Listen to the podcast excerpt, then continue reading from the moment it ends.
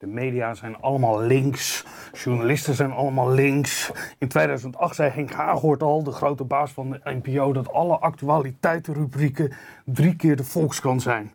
En uit een onderzoek in 2010 bleek, gedaan door Alexander Pleiter, onze oude mediadokter, dat journalisten allemaal overwegend links zijn.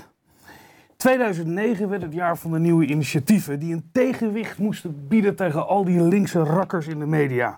Geen stijl kreeg het voor elkaar om Poon te starten. De Telegraaf zat natuurlijk achter WNL.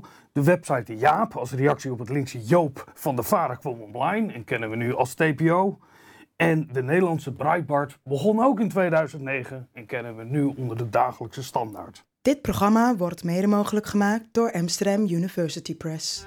Vanuit Amsterdam is dit Onder Media Doctoren, de podcast waarin communicatiewetenschappers zich verwonderen over de media. Vandaag gaan we het hebben over rechtse media en rechtse journalistiek. Wat is dat eigenlijk? En is er iets veranderd sinds 2008 toen Henk Hagort dat zei? Ik doe dat met Nico Kussendrager, verantwoordelijk voor de opleiding van, kunnen we toch wel zeggen, honderden journalisten in Nederland. Als docent op de School voor Journalistiek in Utrecht, maar ook auteur van het basisboek Journalistiek. En met mijn mede-mediadokter Linda Duits. En voor deze aflevering belangrijk om te noemen, medeoprichter van de Jaap. Nico, journalistiek zou toch iets objectief moeten zijn? Hoe kunnen we dan spreken van linkse of rechtse journalistiek? Nou, om te beginnen is het begrip objectief een heel lastig eh, begrip, denk ik. Maar als je kijkt naar linkse en, en rechtse journalistiek, uh, ja, dat uh, blijkt misschien uit uh, onderwerpkeus, onderwerps- nieuwsselectie, bronnenkeus, de manier waarop je een onderwerp benadert. Aan de andere kant denk ik dat het steeds lastiger wordt om een onderscheid te maken tussen links en rechts. Dat is in de politiek al heel lastig. partijen die vroeger links heten, heten nu rechts en omgekeerd. Volgens mij kun je veel beter het onderscheid maken tussen uh, goede en slechte journalistiek. En is de vraag veel interessanter, als we het nu over journalistiek hebben, waar, moet waar gaat het met de journalistiek naartoe? Of waar moet het met de journalistiek naartoe? Gezien die hele discussie die jij net noemt van het is alleen maar eenheidsworst. Linda, links en rechts is misschien een moeilijk onhoudbare tegenstelling. Maar we hebben toch al lange traditie van progressieve journalistiek. Hebben we nu een soort tegenbeweging van meer conservatieve krachten die opkomen voor, voor Nederland bijvoorbeeld? Ik moet eerst wat recht zetten. Eh, de Jaap uh, is niet opgericht als rechtse site. Weliswaar als tegenhanger uh, van Joop. Maar Joop wilde heel duidelijk voor één politieke kleur zijn. En de Jaap wilde zich openstellen voor alle politieke kleuren het is interessant dat iedereen weet wat je bedoelt met links en rechts. En iedereen kan ook allerlei media of mensen indelen op zo'n links- en rechtsschaal. Terwijl tegelijkertijd zeggen we inderdaad in de politicologie dat dat begrip al lang uh, uh, achterhaald is. Ik denk dat um, het vooral te maken heeft met bepaalde personen die met links en rechts geassocieerd worden. Uh, of links of rechts geassocieerd worden. Uh, en dat die personen heel belangrijk zijn geworden uh, voor media. Dus als je gaat kijken van nou, waarom is WNL nou precies rechts? Nou, dan zitten daar veel rechtse commentatoren. Terwijl ik denk als je gaat kijken naar hoe het nieuws gebracht wordt, uh, dat er, dat er niet zo, als het puur gaat om sec-verslaggeving, hè, van zoveel aanslagen bij een bomaanslag of zo, dat er niet zoveel verschil zit. Maar wat heel erg kenmerkend is voor journalistiek deze dagen, is dat er vervolgens iemand commentaar komt geven waar ligt het aan? Wat is de, de oorzaken, schuld, bla bla bla. En dan zie je dat daar een verschil is tussen mensen die als links gezien worden. Leo Lucassen, hoogleraar migratie. Of als rechts gezien worden. Frits Hoefnagel, voormalig VVD'er. Nico, toen Henk Haaghoort in 2008 zei dat de media zo links waren. Uh, waren de media eigenlijk daarvoor altijd al links? Hebben we wel rechtse media gehad Nederland? We hebben rechtse media gehad. Sterker nog, we hebben steeds meer rechtse media. Als je kijkt naar uh, het omroepenbestel, Tros en Avro, twee grote omroepen, zou ik niet links durven noemen. Elsevier lijkt me geen links weekblad. De Telegraaf is geen linkse krant en het AD wordt een steeds rechtse krant. Dus het hele verhaal over gebrek aan een rechtsgeluid in Nederland, ik heb daar nooit iets van begrepen. Wat in de journalistiek belangrijker wordt, is dat de hele discussie die op het ogenblik speelt, het hele maatschappelijke debat uh, in, in Nederland, wat stil, steeds intensiever wordt, of het nu gaat over milieu, over integratie, over islam, noem het hele verhaal maar op, daar moeten journalisten een rol in spelen door het geven van duidelijke, betrouwbare, verantwoorde informatie. Dat is de toekomst van, van de journalistiek. We weten allemaal dat er steeds meer nepnieuws is, dat er steeds meer gedaan moet worden aan fact-checking. Dus met, met goed opgeleide journalisten, links of rechts, maakt me niet uit, met goed opgeleide journalisten kun je ervoor zorgen dat je kwalitatief betrouwbare informatie hebt. Dat is de essentie van de journalistiek. Daar onderscheidt het zich in van allerlei andere vormen van communicatie. Maar Nico, als je zegt dat objectief is eigenlijk is, is niet mogelijk. Aan de andere kant moeten we wel feitelijk juiste informatie hebben. Hoe, hoe verhouden die twee begrippen zich dan tot elkaar? Het voorbeeld wat, eh, wat Linda noemt, de, een, een aanslag, het melden van het aantal eh, slachtoffers lijkt me een objectief eh, gegeven.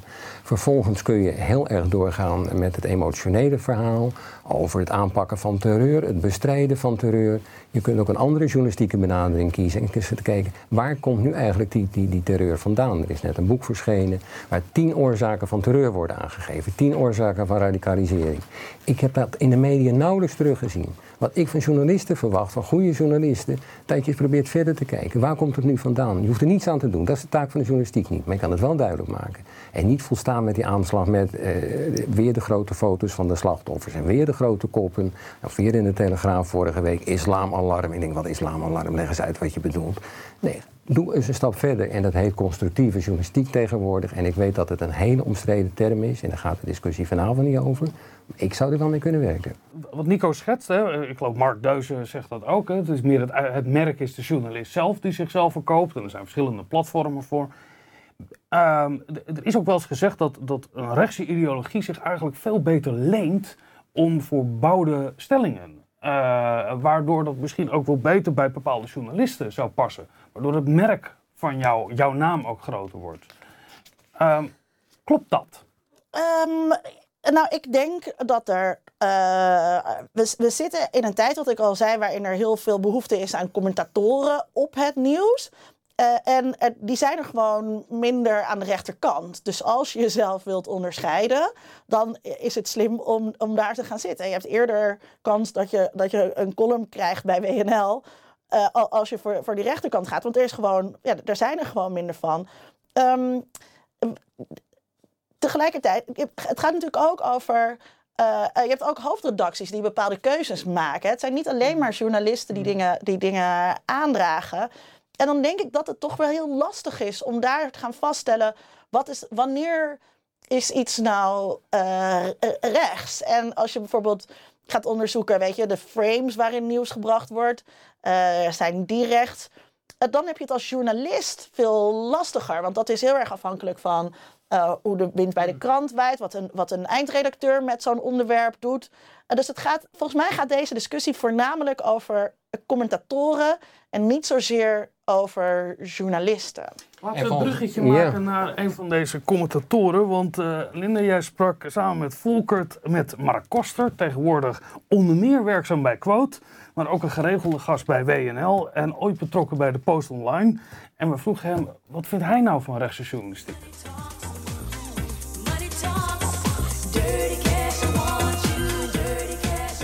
Zijn hier bij Hearst Media aan het Koningsplein en we gaan Mark Koster van Quote interviewen. We gaan gewoon uh, nu erheen. Spannend. En uh, we gaan hem vragen over rechtsmedia. Ik ben Mark Koster, journalist al een hele tijd. nu onder meer werkzaam voor Quote maar freelancer voor allerlei andere partijen en uh, af en toe geef commentaar bij BNL. Laat ik vooropstellen dat je eigenlijk, uh, ja, je wilt over journalistiek rechts of links hebben. Laten we even even, voor mij heb je gewoon goede en slechte journalistiek. En dat staat volgens mij los van ideologie. En dan heb je inderdaad nog de ja, linkse en rechtse journalistiek. Uh, ik heb daar zelf wat moeite mee. het is al heel moeilijk, Linda, om iets goed op te schrijven. en ja, dat is iets wat volgens mij wel heel erg onder druk staat.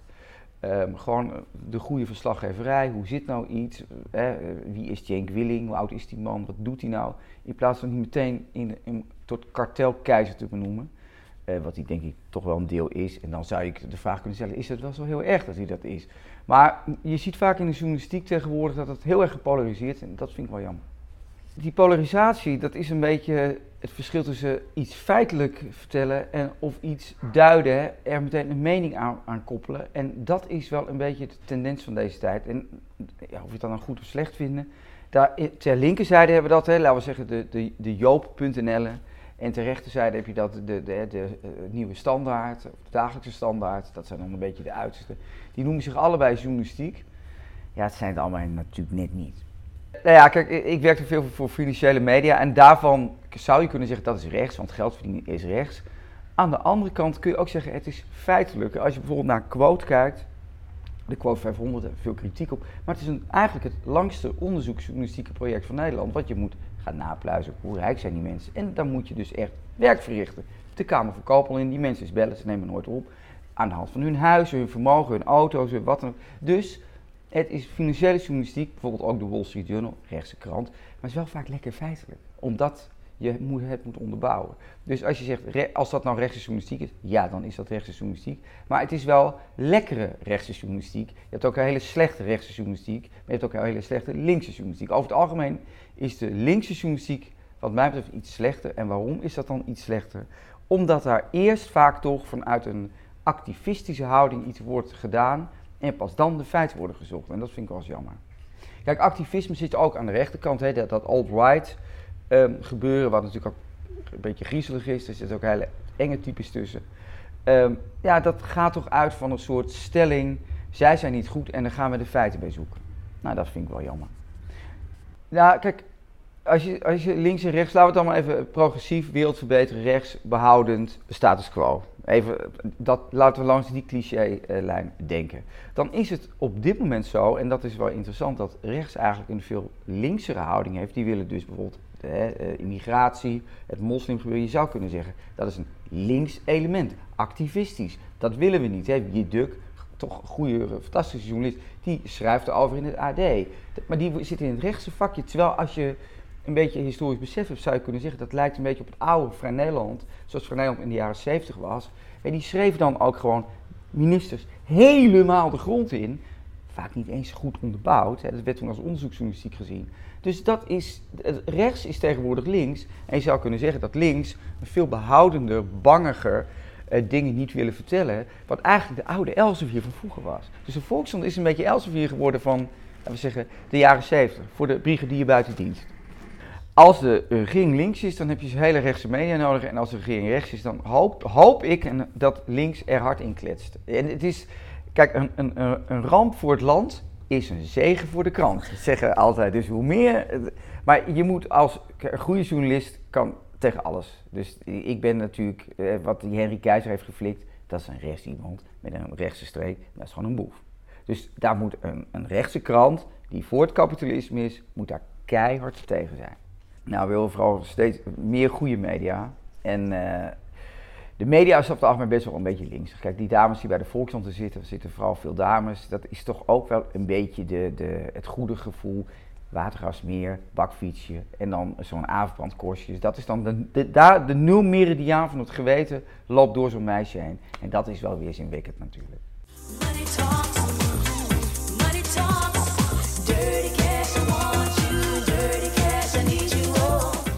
Nico, de nulmeridiaan van het geweten loopt door afbrandkorstjes. Ehm, Mark heeft het over een polarisatie. Ik denk dat dit een mooi voorbeeld daarvan is. Ehm, herken je dat ook in, tussen linkse en rechtse media? Ja, dan komen we weer op dat begrip eh, linkse en rechtse media. Dat blijf ik eh, lastig vinden. Dat er sprake is van polarisatie binnen de media en binnen de journalistiek is zonder meer waar. Je kunt je afvragen of dat, of dat slecht is. Want juist als je dat maatschappelijk debat op gang wil brengen, zul je zoveel mogelijk geluiden eh, moeten laten horen. Zul je zoveel mogelijk mensen aan het woord moeten laten. En het is nog even los van de hele discussie over rechts- of linkse columnisten. Want ik hoor hier ook voortdurend van er zijn zoveel eh, linkse columnisten. Eh, te weinig, rechtse col- columnisten. Nou, afgelopen zaterdag zagen we de NRC dat ze daar duidelijk bezig zijn om dat eh, te veranderen. Maar als je bijvoorbeeld kijkt naar een krant als Trouw, waar ik lang gewerkt heb, iemand als Evimenko, ga ik toch zelf een keer het begrip gebruiken, is een ronduit rechtse journalist als het over, het islam gaat, over islam gaat. Maar er staan hele andere geluiden er tegenover. Dus ook in columns en commentaren kun je die tegengeluiden laten horen, juist om dat debat op gang te brengen. Maar daarnaast, en voor mijn gevoel is dat zeker zo belangrijk, blijft dat punt dat die journalistiek het ambacht, de vaardigheid moet hebben om in kaart te brengen wat er in die samenleving speelt. En we hadden het net over complotdenken, om feiten die niet klo- kloppen aan te geven van ja, sorry, dit is even onzin. En het is niet zo dat met het Oekraïne-referendum Oekraïne morgen lid is van, eh, van de Europese Unie. Nog dat de islam in Nederland inmiddels 20, 30, 40 procent is, want het is namelijk niet zo. Speelt er ook een economisch belang? De eerste schetsten we al dat je als opiniemaker nu beter aan de rechterkant kan zitten, want links is redelijk eh, bezet. Eh, dat er meer behoefte is aan die kant, Ja, je waardoor je... ziet, ik bedoel, die koerswijziging van, eh, van de Post Online is ook omdat dat trekt de kliks. Weet je, dat, dat is gewoon zo. Ik bedoel, geen stijl is ontzettend succesvol met het brengen van dat geluid. Hè, dat, dat, dat willen mensen blijkbaar horen. Ook mensen die helemaal niet eh, eh, rechts zijn, die kunnen ook verheerlijk klikken op eh, dat soort dingen. Dus het is, het is gewoon heel gunstig als je weer een columnist neerzet die het een of ander beweert waar iedereen op Twitter boos over wordt. Want dat is klik, klik, klik. En die websites draaien op kliks. En dat zie je trouwens ook bij de Volkskrant. Ik bedoel, die plaatsen ook opiniestukken. Die, die gewoon, nou ja, dat zou nooit langs een opiniechef moeten komen. Maar je weet gewoon, hier gaan mensen op klikken. Dus eh, lekker met gestrekt been eh, erin. Ja, dat, dat, Die- het- de, dat de is dat is toch het goed hyperbolische. maar het, dat- het brengt allemaal niks. Wat jij zegt, hè, die verdiepende analyses, eh, daar is geen geld voor. Weet je? En dat, dat, is. Dat, dat, dat weet ik niet. Ik vind dat, een, dat vind ik een hele gevaarlijke ontwikkeling. De ontwikkeling dat kranten, en dan hebben we het over social media, maar hebben we het ook over de klassieke media. eh, dat is wel een commerciële afweging. Zich heel veel aftrekken van, aantrekken van het, eh, van het aantal eh, kliks wat ze, wat ze krijgen. Er zijn kranten, eh, bijna alle kranten inmiddels al, maar gewoon op schermen aan de wand te zien valt hoe vaak een artikel gelezen wordt. En als jouw artikel een aantal keren eh, niet scoort, dan heb je een probleem, want dan deugt er kennelijk niet eens aan je artikel. Je kan ook zeggen, misschien deugt er dan juist heel veel aan je artikel. Heb je een keer een verhaal geschreven wat ergens over gaat en misschien minder gelezen wordt. En ik denk dat je op dat moment als medium moet zeggen van, of als journalistiek moet zeggen, wij hebben onze eigen verantwoordelijkheid, waarbij commerciële belangen, ik heb het niet over de commerciële media, maar wel over de publieke omroepen, over een aantal kranten, waarbij journalistieke afwegingen gemaakt worden en geen commerciële. En dat is een hele lastige discussie, zeker tegenwoordig. Als er een krant is waar links Nederland al decennia lang een hekel aan heeft, dan is het wel de Telegraaf. En eh, Tom en Narien maakten een item erover hoe in de jaren 60 er een oproer was.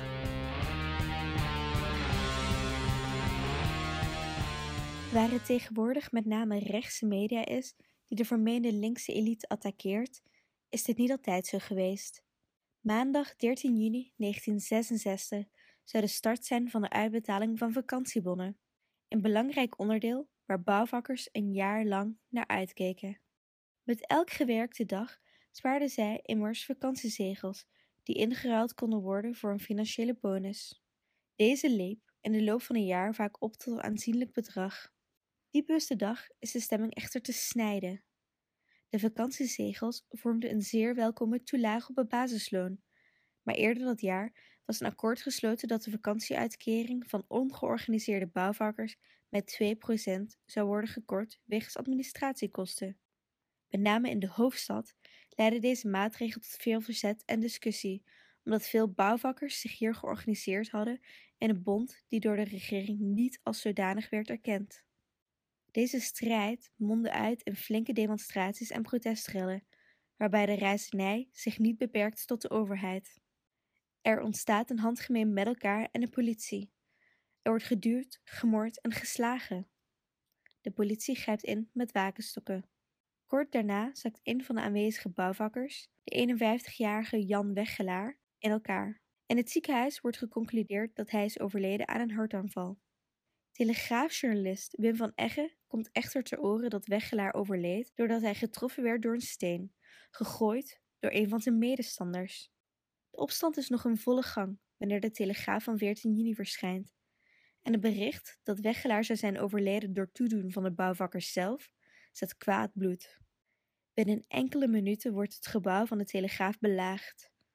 De ruiten gaan aan diggelen en auto's worden in brand gestoken. Politieoptreden blijft uit. Railschoppers hebben vrij spel en dringen het telegraafgebouw binnen. De puinhoop is onbeschrijfelijk. De chaos van de zogenoemde telegraafrellen duurt nog enkele dagen voort en leidt tot meer dan 80 gewonden, 20 onder de politie, 60 onder de burgers. Kritiek richt zich met name op de rol die de burgemeester, politie en justitie hebben gespeeld. Zo wordt geconcludeerd dat de verhouding tussen de verantwoordelijke autoriteiten niet gezond is. De gebeurtenis had dan ook verstrekkende gevolgen. Hoofdcommissaris Van der Molen en burgemeester Van Hal dienen hun ontslag in en binnen de overheid wordt er een reorganisatie aangekondigd.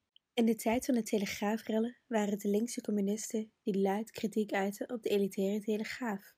Nu zijn het echter de rechtse populisten die luide kritiek hebben op de elitaire linkse media als de Volkskrant en de NRC.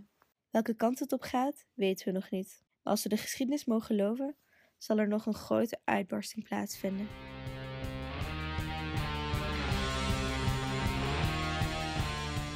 Zo denk je dat er een grote uitbarsting gaat plaatsvinden? Welke uitbarsting moeten wij aan denken? Nou ja, tegen, tegen links tegen rechts. Zoals wij in de jaren 60 zagen bij wat toch correcte berichtgeving eh, bleek te zijn van de Telegraaf. Nou, dat, dat, die, voorspelling wil ik niet doen. Dat valt ook helemaal buiten de... Nou ja, dat weet ik niet of dat buiten de journalistiek eh, valt. Maar in dit geval ga ik er geen, eh, geen dingen over zeggen, over grote uitbarstingen komen. Wat je wel kunt zeggen is dat inderdaad die tegenstelling tussen de bevolkingsgroepen... en wat mij betreft toch nog maar een keer die terminologie... tussen links en rechts en tussen allerlei groeperingen binnen de samenleving eh, steeds groter worden. Die uitbarsting die is er al geweest. In Amerika is die er geweest. Donald Trump is verkozen tot president van de Verenigde Staten. Dat is hè, de, de achterban van Breitbart, van dat soort websites, heeft gewonnen. Dat is een, racistische, seksistische, homofobe idioot die daar president is geworden. Als een soort uitbarsting eh, eh, van die woede die bij dat soort mensen vooral leeft. Daar zijn we volgens mij in de rest van de wereld best wel van geschrokken. Eh, en hopelijk eh, wordt dat ons hier eh, bespaard. Ehm, eh, maar het is, er is wel degelijk eh borrelt daar iets. Want die mensen, dat moet je niet vergeten. De mensen die de dagelijkse standaard lezen, die op geen stijl comments achterlaten. Dat zijn geradicaliseerde eh, mensen. Als je leest hoe zij denken, die paranoïde samenzweringsverhalen, die leven daar eh, wel degelijk. Dat zijn ook eh, clubs die politiek invloed proberen eh, te krijgen. Forum voor Democratie is daar echt een zorgwek- zorgwekkende ontwikkeling in. Ik denk dat we daar hartstikke bang voor moeten zijn. Aan, aan de andere kant, jouw vraag was naar conflicten in Nederland. Nou, als je daar ziet dat de PVV eh, eh, niet de grootste partij is eh, geworden. In Duitsland, eh, Alternatieven voor Duitsland is op het ogenblik alleen maar aan het verliezen. Eh, in Frankrijk is Macron president geworden. Mevrouw May doet het veel minder goed dan we verwacht hadden. Dus er is ook wel degelijk een, eh, een tegenbeweging. Op een gegeven moment zie je wel dat, eh, dat de situatie zich ook stabiliseert. En dat die Ja, je geluiden... ziet dat geïnstitutionaliseerd rechts, hè, zoals we dat in Nederland hadden, of liberaal en de VVD. Eh, dat zag je in de Verenigde Staten ook, hè, de, de, de Republikeinse Partij, dat er een soort andere groep zich ergens aan het manifesteren is. Die zich niet herkent in die bestaande institutionele eh, eh, setting. Kijk, het, het, het mooie aan het Nederlands systeem is natuurlijk dat eh, het Nederlands systeem heel goed in staat blijkt om dit soort partijen te accommoderen. Om dus de PVV te accommoderen, maar ook die mensen van Geen Pijl die wilden mee gaan doen eh, met de verkiezingen. Eh, en, eh, en, en ook eh eh, Pauw Nieuws die in het publieke bestel wilden. Nou, toen mochten ze in het publieke bestel. En toen eh, bleek dat ze geen kleren aan hadden. En, en staan ze nu denk ik al een tijdje heel erg te kijken met hun billen bloot. Omdat ze niks kunnen leveren. Ehm, eh, maar dat laat ook zien dat, het, dat, het, dat we dus een goed systeem hebben eigenlijk in de, in de Nederlandse media en in de Nederlandse politiek. En dat maakt het tegelijkertijd voor, voor de, de mensen met hun idiote eh, samenzweringsfantasieën ook heel erg lastig om vol te blijven houden. En dat hoor je ze ook maar blijven roepen, hè, dat er geen ruimte voor hun stem eh, is. Ja, dat is gewoon niet waar. Nico, aan het einde van een uitzending proberen we altijd de vraag te beantwoorden.